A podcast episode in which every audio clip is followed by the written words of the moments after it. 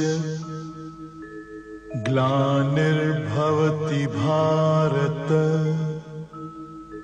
अभ्युत्थानम् अधर्मस्य तदात्मानं सृजाम्यहम् परित्राणाय साधूनाम् विनाशाय च दुष्कृता धर्म संस्थापनार्थाय संभवामि युगे युगे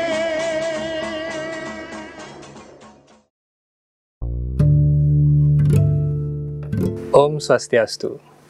Saudara-saudara umat Hindu yang berbahagia dimanapun Anda semua berada di pagi yang indah ini, topik kita kali ini adalah bersembahyang menurut agama Hindu. Untuk itu di studio telah hadir Sri Sriman Ida Waisnawa Pandita Damodar Pandit Das selaku narasumber. Om Swastiastu, Srila Guru Pandita. Om Swastiastu.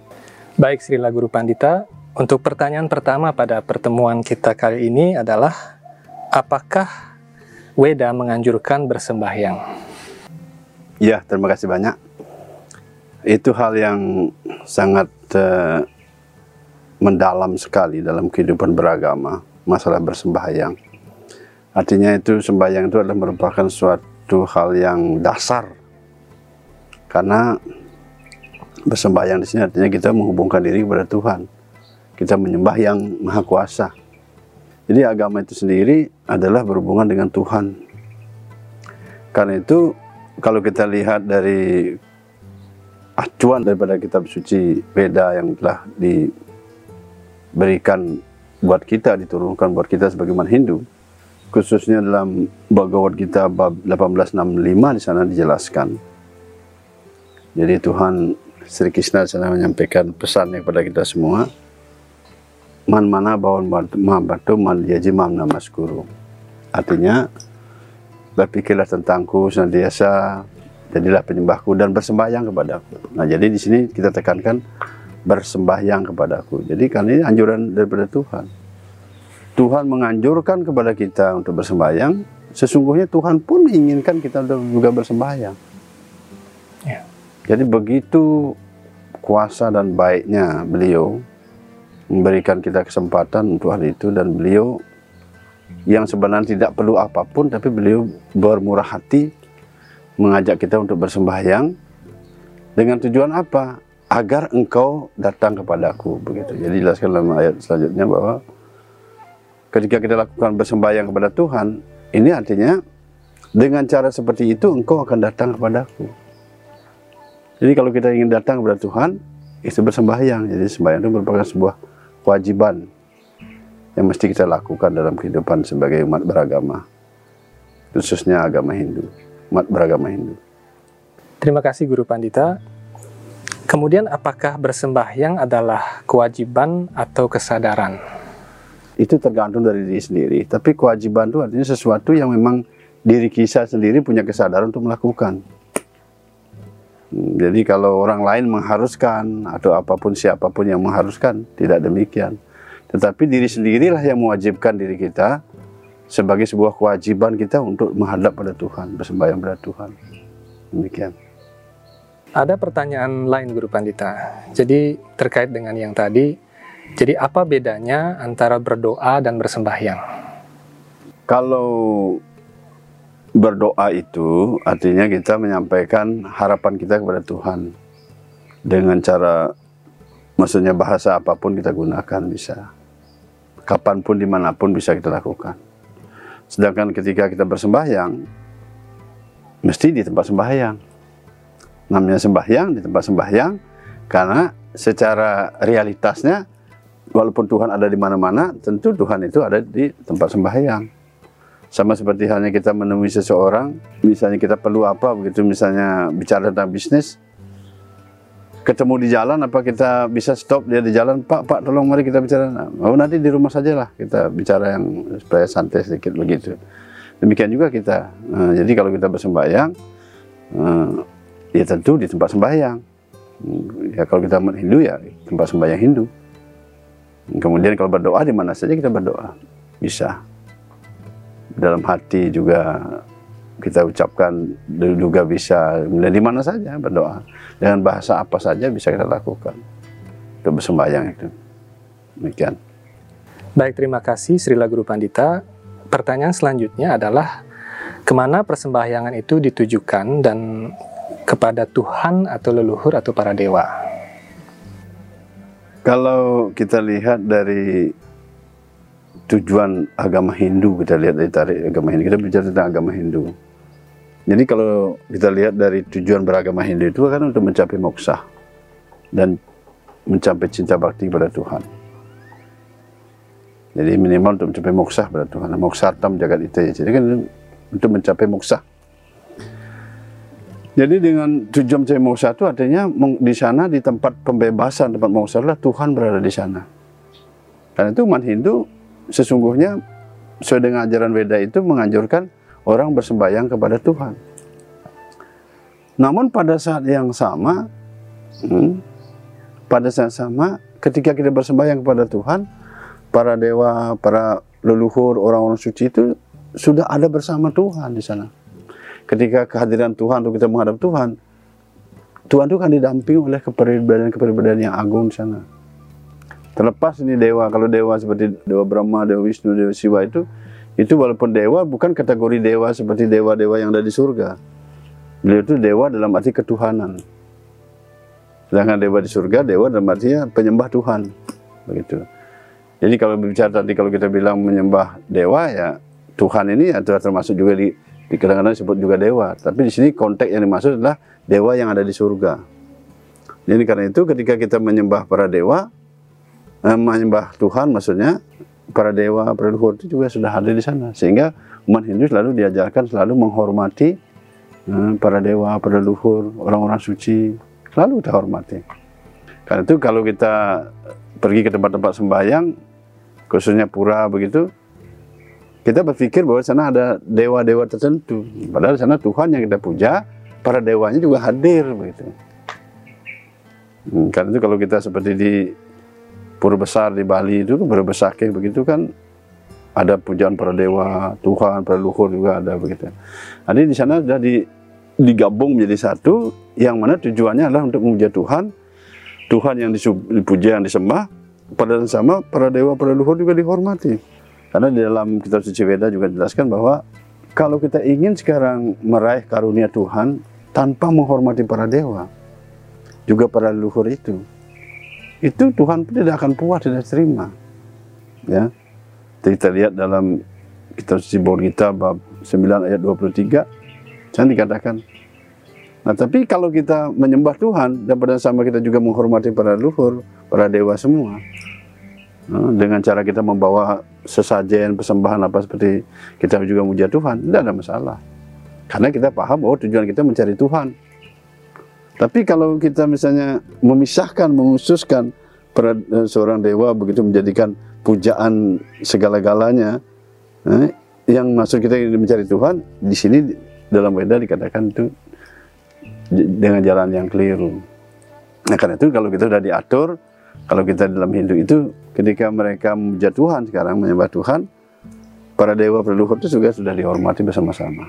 Pemirsa Sedharma umat Hindu di mana pun Anda berada, uh, menarik sekali diskusi kita kali ini. Guru Pandita, ada pertanyaan lain yakni berapa kali umat Hindu seharusnya sembahyang?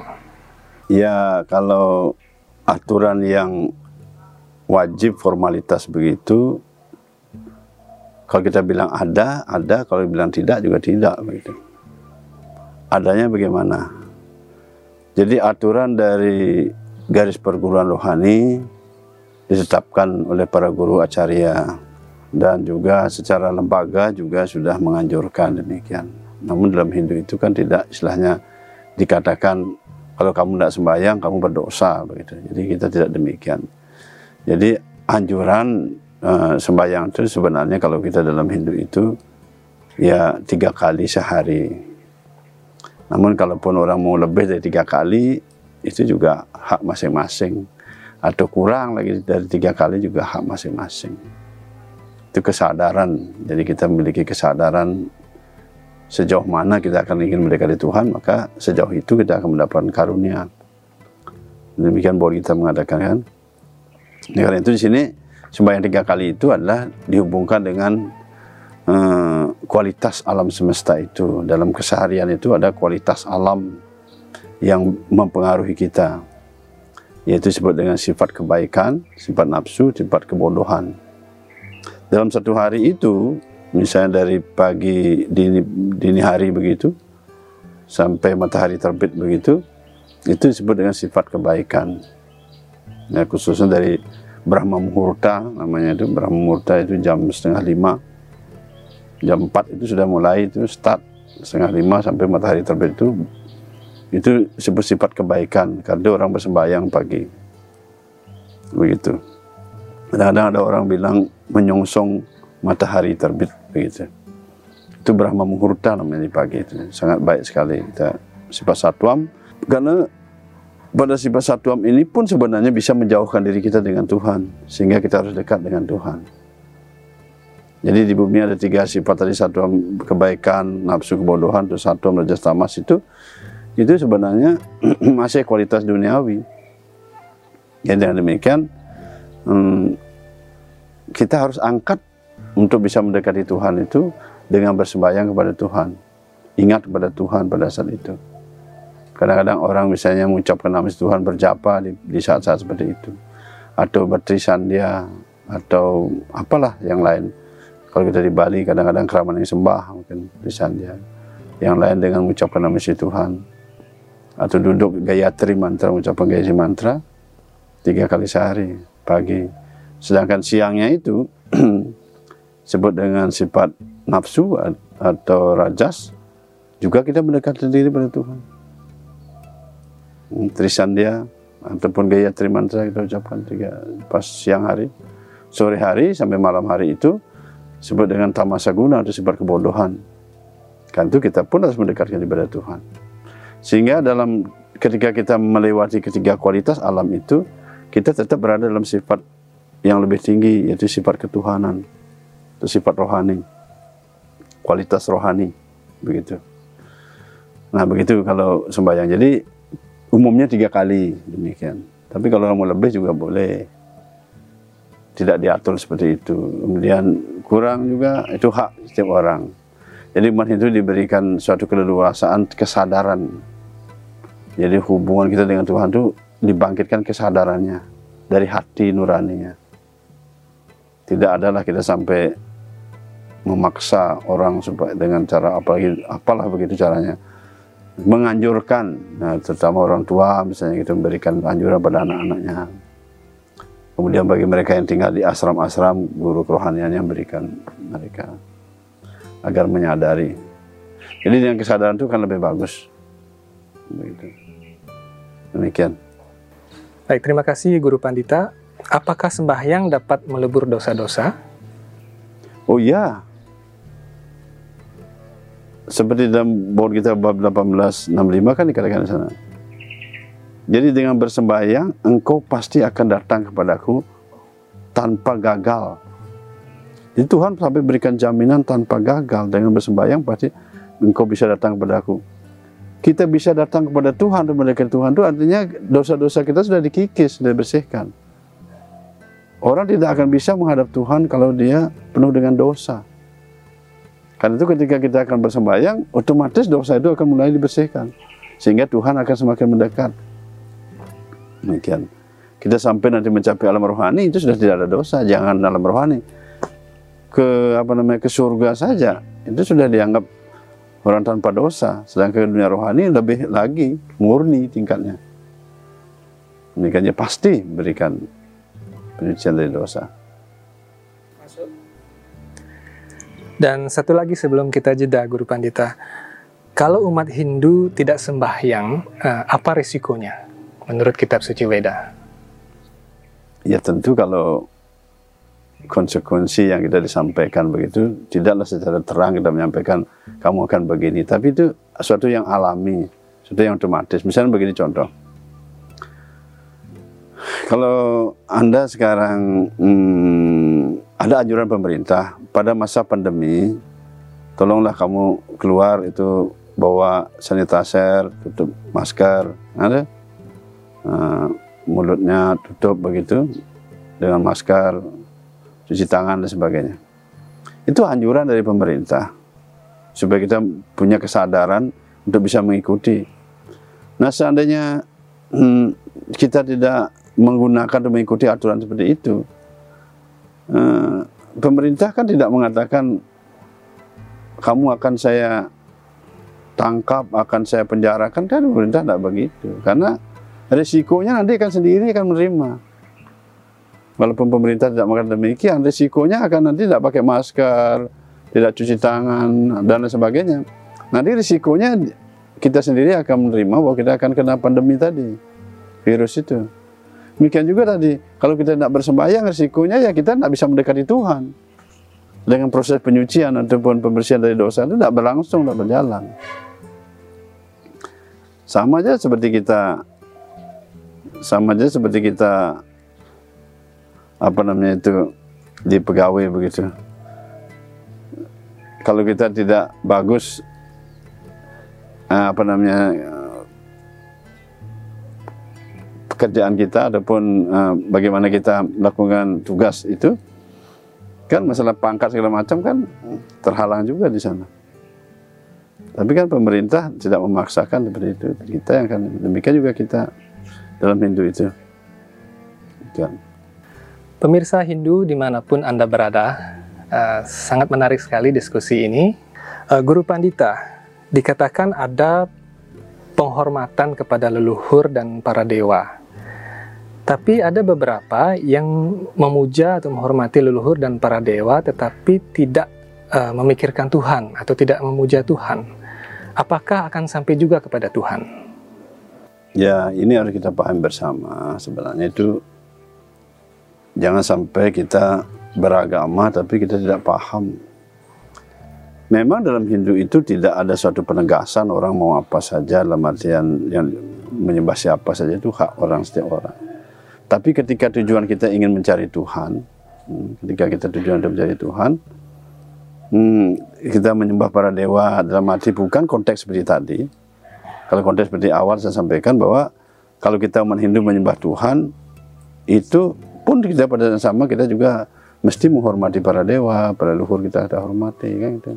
Anggaplah orang tua kita di rumah kan leluhur kita, kita juga hormat kan harus baik. Nah, tapi kalau seandainya kita pisahkan sekarang antara Tuhan dan beliau-beliau itu, antara para dewa, itu hasilnya berbeda. Karena itu dalam Borita bab 9 ayat 25 kan dijelaskan yanti dewa berata dewa, piti nanti piti rataha. Kan budani yanti budanya ya dimad ya jinopimam. Dikatakan bahwa kalau orang menyembah luhur akan pergi ke leluhur. Kalau menyembah dewa akan pergi ke dewa kalau menyembah hantu akan menjadi hantu.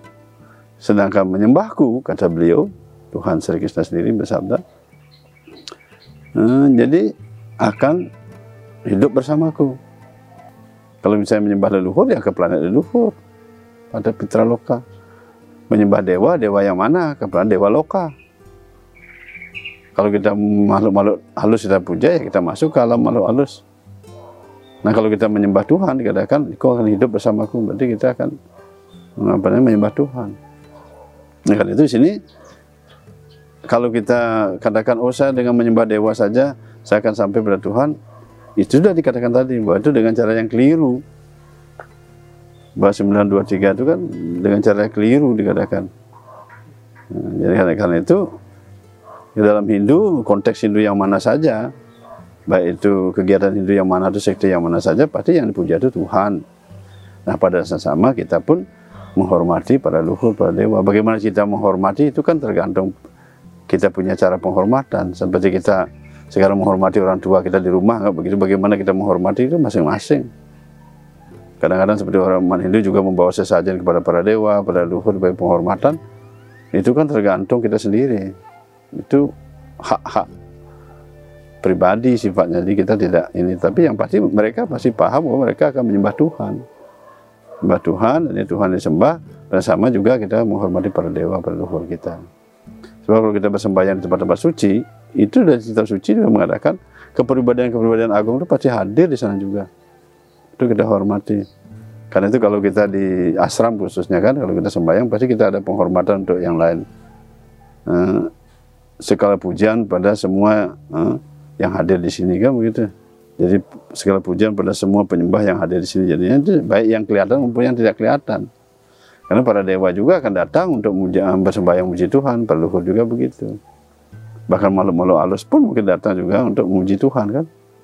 Karena kita beri penghormatan. Nah, itu dalam dalam kegiatan satu saya katakan. Bagaimana dengan dengan kegiatan Hindu yang lain juga? Ya mirip sama seperti itu juga. Karena itu siapa pun Hindu yang mana pun itu tidak terlepas seperti badan kita inilah. Ketika kita akan bertemu dengan kepala, tangan, kaki semua ini kan sudah nyambung jadi satu. Begitu. Demikian juga kita menyembah Tuhan. Gitu. Satu pertanyaan lagi Guru Pandita. Eh, orang bertanya bahwa Hindu punya banyak sekali dewa dan banyak sekali wujud Tuhan seperti itu. Dan juga digambarkan ada dewa-dewa yang mempunyai suami, ada yang mempunyai istri dan sebagainya. Eh, bisakah Guru Pandita menjelaskan ini menurut kitab suci Weda? Nah inilah keunikan daripada Hindu kan. Jadi setiap agama kan, jadi kadang-kadang setiap agama itu kan berbeda-beda ya. Kadang-kadang orang berpikir agama itu biasa sama seperti dirinya sendiri. Ini yang keliru kita. Kita suci sudah menekankan, sudah menjelaskan, kamu mau menyembah Tuhan yang mana misalnya. Nah, kita ini mau menyembah Tuhan yang mana? Misalnya kita menyembah Tuhan yang berwujud, di sana ada aturannya. Boleh menyembah Tuhan yang berwujud, ada arca, pujaan, kemudian beliau berwujud hmm, kepribadian begitu, purusa yaitu laki-laki, kemudian ada pendampingnya, saktinya, kekuatan beliau sendiri. Sebenarnya saktinya itu beliau sendiri juga, itu membagi diri dalam bentuk prakirti atau perdana istilahnya, itu wanita perempuan. Ketika kita menyembah yang berwujud seperti yang berwujud, kita akan bertemu dengan kepribadian begitu sebagai penguasa nanti di alam rohani. Sedangkan kalau kita menyembah tidak berwujud, ya tidak boleh mewujudkan apa pun. Ketemu dengan cahaya Tuhan Brahma Joti di alam rohani disebut dengan Brahma Joti. Nah, karena itu ketika Tuhan berada di alam rohani disebut Vaikunta Loka dengan wujud beliau di sana Purusa dan Prakerti begitu laki dan perempuan begitu beliau pun akan memancar ke seluruh alam semesta ataupun memenuhi alam semesta ini dalam wujud beliau yang tidak berwujud itulah Brahman gitu. karena seperti istilahnya begini presiden ada di Jakarta beliau sungguhnya ada di seluruh wilayah Indonesia dalam wujud beliau yang berbeda-beda itu.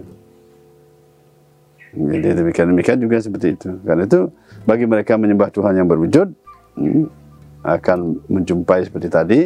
Dan para dewa di surga itu kalau para dewa yang di surga beda lagi. Dewa dewi di surga itu yang malu hidup seperti kita cuman kualitas mereka adalah kualitas satwam hidup juga suami istri yang seperti kita di bumi. Sedangkan Tuhan berbeda kalau Tuhan sendiri itu walaupun itu disebut perusahaan perdana jadi di sana itu saktinya beliau di sinilah kita harus bisa memahami tentang masalah agama itu jadi karena di sini eh, paham bersama bahwa agama diturunkan itu agar supaya orang paham bahwa Tuhan itu maha segala-galanya. Yang kedua, supaya kita memahami juga bahwa kita diberikan ajaran sesuai dengan level kita. Kekuatan atau kemampuan kita untuk memahami ajaran agama itu. Nah dengan demikian masing-masing agama itu punya tujuan yang berbeda, cara yang berbeda, tujuannya juga yang berbeda. Mereka mencari Tuhan-Tuhan pun yang berbeda, walaupun Tuhan itu satu. Dengan rohani itu Tuhan itu berekspansi menjadi banyak sekali. Beliau satu, tapi beliau berekspansi banyak sekali untuk uh, memberikan kesempatan buat kita di tempat-tempat beliau masing-masing itu. Jadi dengan demikian tiap agama tujuannya berbeda. Jadi tidak ada karena itu tidak perlu ada satu yang menyalahkan antara satu dengan yang lain karena tujuan mereka berbeda-beda. Dan demikian agama ini akan menuntun kita untuk meyakini ajaran agama dan menyerahkan diri kita kepada Tuhan. Sehingga tujuan sesuai dengan keyakinan kita, sesuai dengan serada iman kita itu akan tercapai. Itulah maksudnya agama. Jadi karena itu agama tidak perlu diperbandingkan Pemirsa umat Hindu di mana pun Anda berada, semoga apa yang disampaikan oleh narasumber tadi bermanfaat untuk kita semua.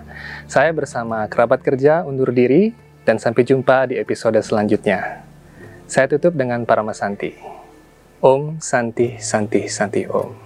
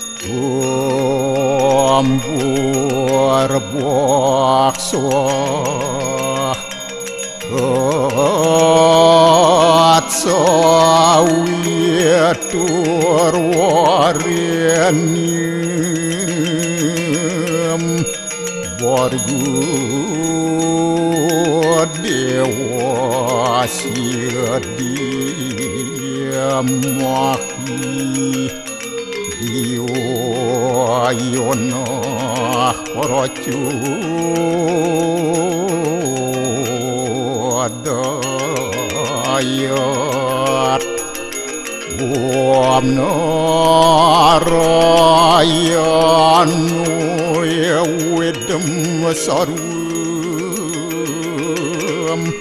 ya buatum ya stiabawiam Yes, call on to Niron John, Niron, your call to niro kiyoto sudu deku narayanu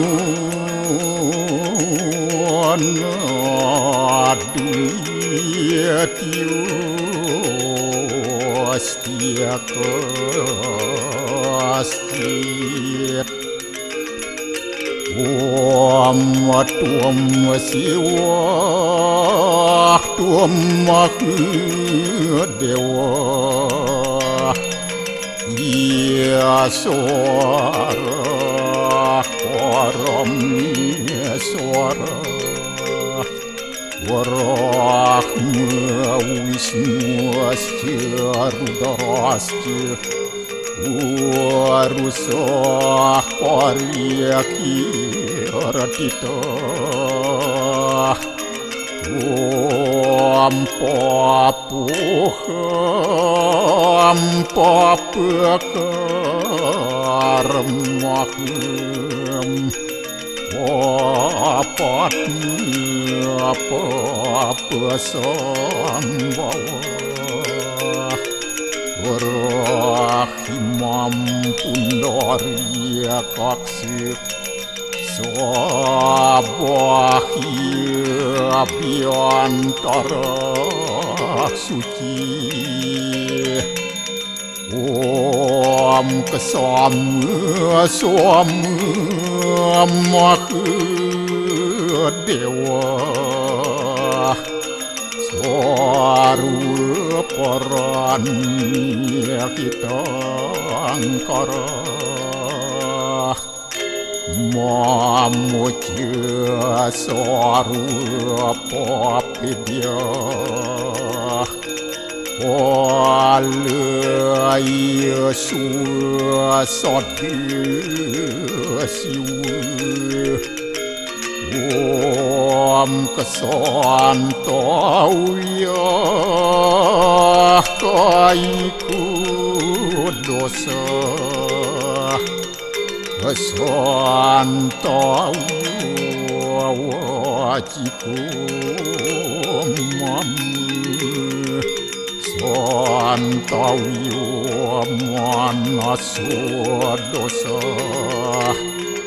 oh Kesuat bermodot kesuam kesuam Om Santi Santi Santi Om